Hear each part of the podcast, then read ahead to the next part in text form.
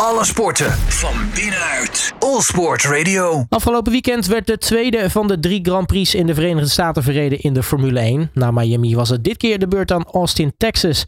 Beide races, want het was een sprintweekend, werden gewonnen door Max Verstappen die zijn 50ste overwinning pakte. Ja, en hoewel winnen vaker gebeurt voor Max Verstappen, was het dit keer nog best wel spannend. Ik had erover een gesprek met Jan Lammers. Jan, hele goedemiddag.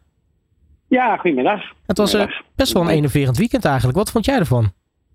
Uh, ja, zeker. zeker. Uh, het, het, het, kwam allemaal niet zo vanzelfsprekend. En dan moeten wij dat nooit als vanzelfsprekend gaan nemen. Want het is heel bijzonder wat er nu gebeurt. Maar ja, Max had, echt, had het heel zwaar. En um, als je alleen al de kwalificatie ziet, waar, waar, Leclerc dan uiteindelijk pole had, maar toen Max hem had, was het vijfduizendste.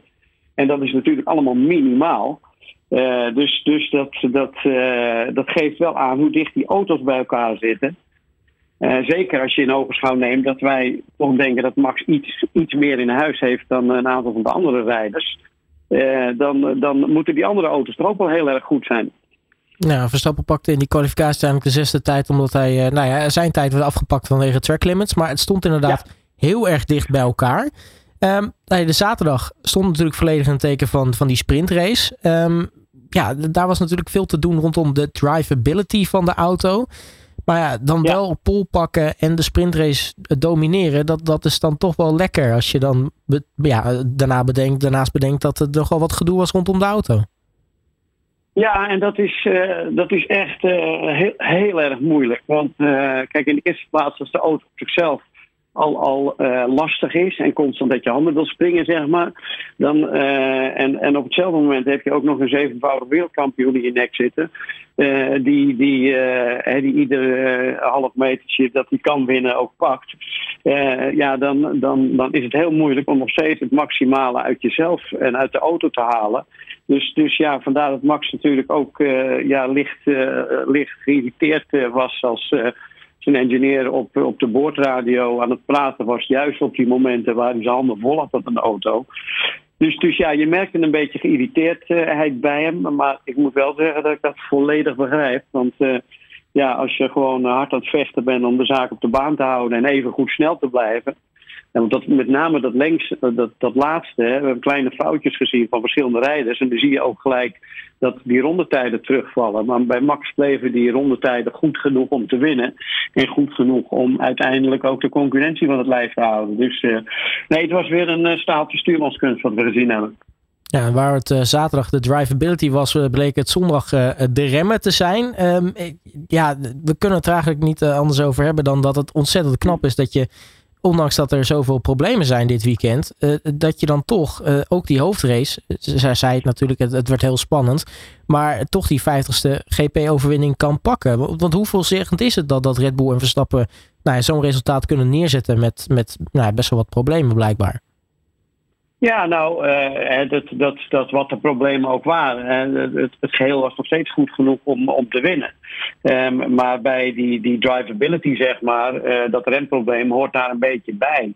Want die, dat drivability probleem, uh, dat, dat wil gewoon zeggen dat je auto niet exact doet wat je wil en dat die ook een beetje onvoorspelbaar is. He, dus bochten waar je normaal gesproken gewoon in kan sturen en dat die auto zich in één keer settelt, uh, daar stuur je nu in en dan heb je het idee dat die of van achteren wegspringt of van voren uit de koers loopt of wat dan ook. Dus kortom, de auto die, die zit niet echt gewoon lekker ja, vast in je hand. Dat iedere keer dat jij iets doet, doet de auto daar iets aanvullend. Hè, dus het is heel steeds actie-reactie. Jij doet iets en de auto doet iets. En dan ben je constant aan het corrigeren. En dan moet je die actie zo gedoseerd uitvoeren om die reactie te minimaliseren. Maar ja, dat is dan toch uh, zo'n situatie is bij Max toch in goede handen. Nou, na afloop uh, kwam uiteindelijk best wel lang na de race eigenlijk het nieuws dat, dat Hamilton en Leclerc, die werden nou ja, tweede en zesde. Die werden gedisqualificeerd vanwege een te veel afgesleten bodemplaat. Eh, de meeste mensen hier zullen dat pas uh, vanochtend hebben meegekregen. Toch een beetje vreemd opstaan met dat nieuws. Wat, wat, vind jij van die, van die situatie? Want er is nogal wat te doen over de, de, de willekeur eigenlijk waarmee de, de FIA die auto's eruit pakt. Tenminste, dat, dat is wat ik lees in de berichtgeving. Ehm, nou, ik denk, uh, ik denk niet dat, dat, uh, dat die willekeur aan de orde is. Wat wel heel belangrijk is, is dat uh, rijhoogte, en dan heb je het vaak over maar een millimeter of, of, of nog minder. Maar rijhoogte van die auto, je moet je voorstellen, die auto's hebben ground effect. Oftewel, de lucht onder de auto is, is een hele belangrijke stroming die van invloed is op de neerwaartse druk van die auto. Hè. Dus ga je hem iets lager zetten, dan kan je zomaar, ik noem nou maar eventjes een voorbeeld, dan kan je zomaar een paar procent meer neerwaartse druk hebben, waardoor jij in sommige bochten misschien net wel vol gas kan gaan, waar anderen dat niet kunnen. Dus uh, stel je voor dat bijvoorbeeld uh, een, een Leclerc, dan zou je denken waarom heeft Leclerc dat wel en Sainz niet. En nog even vooropgesteld of ze het ook bij Sainz gemeten hebben. Die, die uh, informatie heb ik even niet voorhanden. Maar je gaat zeggen waarom bij de ene auto wel en de andere auto niet. Maar stel dat bijvoorbeeld Sainz uh, gewoon daar voorzichtig mee is geweest en zijn auto niet te laag heeft willen zetten om binnen de reglementen te blijven. En Leclerc met zijn engineer uh, gaat wel op die grens uh, opereren. Dan zie je ook gelijk een verschil in rondetijd. Hè? Dus je, ziet dat andere rijders, die, die kijk bijvoorbeeld naar Max. Hè? Max die heeft een moeilijk bestuurbare auto. Dat zou kunnen omdat zij een rijhoogte wat hoger hebben dan, dan de anderen. dus, dus Max had misschien zo'n moeilijke auto, omdat hij wel binnen het reglement opereerde.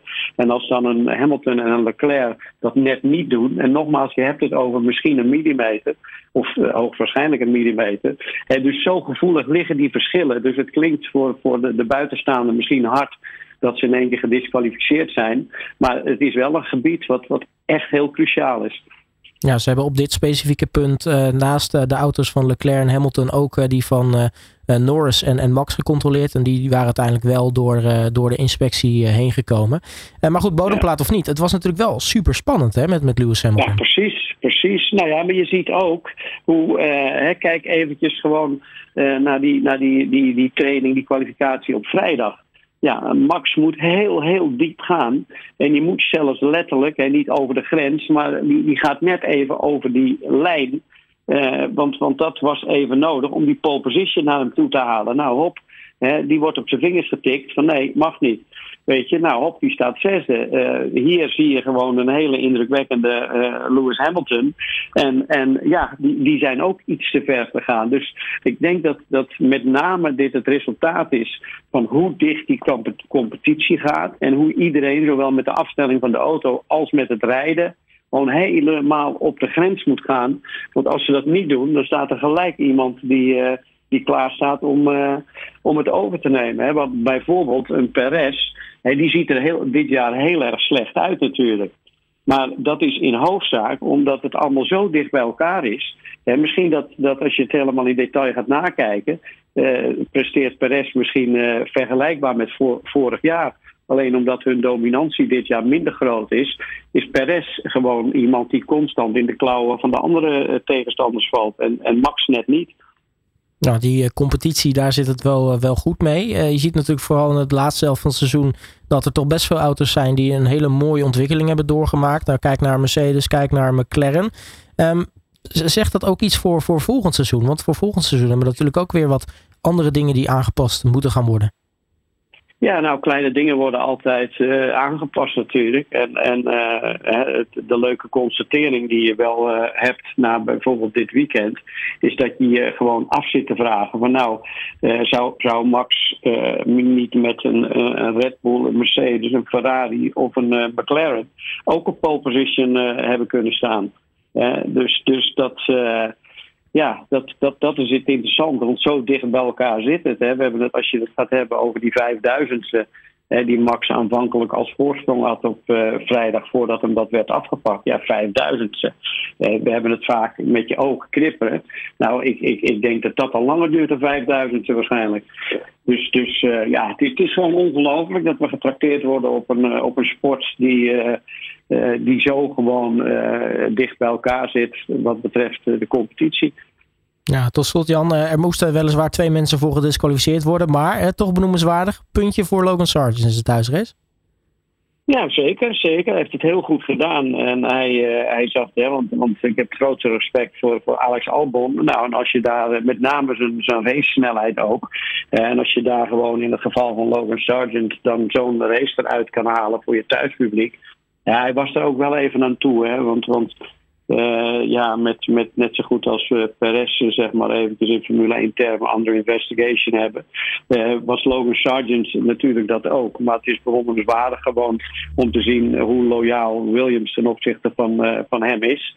En dat vind ik mooi, want ik vind dat je op enig moment gewoon je expertise gebruikt om de keuze van hem te maken dat aan het begin van het seizoen zeg je, nou dat is de rijder waar wij vertrouwen in hebben voor dit jaar. Dan vind ik dat je ook uh, je eigen keuze wat sterker mag verdedigen. En niet na drie of vier races zegt van nou, die gooien we er weer uit.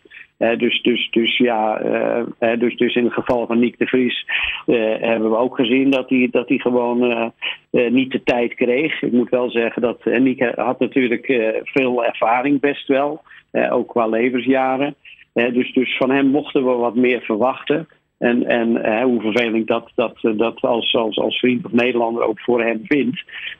je weet gewoon in die, in, die, in die sport, als je niet presteert, lig je eruit. dus Logan Sargent in dit geval, die, ja, daar werd het wel toch wel nijpend. Want hij had wel heel veel problemen, heel lang achter elkaar.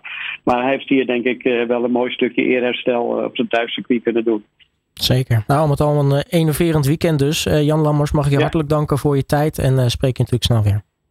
Oké, okay, graag gedaan. Alle sporten van binnenuit. All Sport Radio.